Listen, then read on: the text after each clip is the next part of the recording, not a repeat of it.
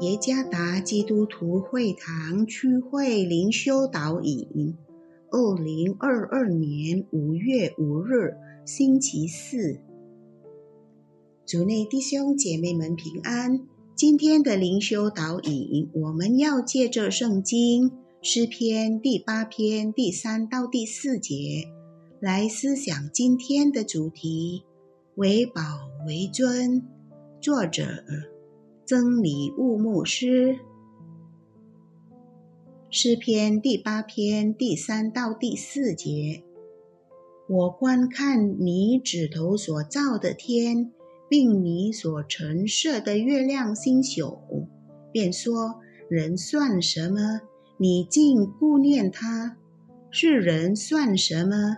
你竟眷顾他。我的一位朋友说。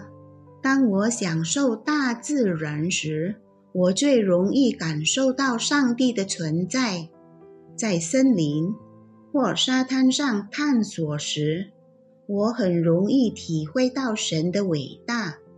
我意识到我在这个世界上是多么的渺小。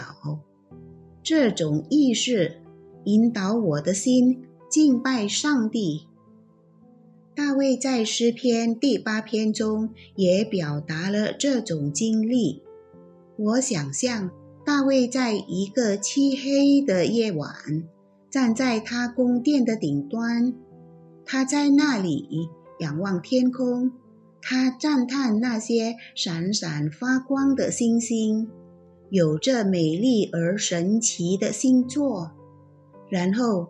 他将其比作人类的渺小，一个由尘土制成弱小的创造，但同时他也钦佩上帝的恩慈。软弱的人是按照他的形象和样式创造的，然后这个人得到了荣耀和尊贵的冠冕，并被赋予了对其余受造物的权柄。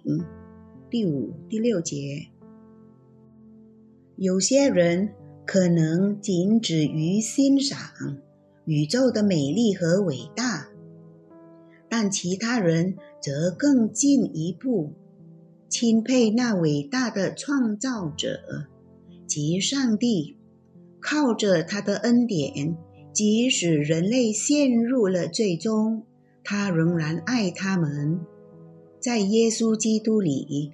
他成为我们的一员，神成为人来拯救我们。意识到这个真理，会让我们更加钦佩他。与宇宙的宏伟威严相比，人不过是一粒尘埃。但上帝的爱使他变得宝贵而荣耀。主耶稣赐福。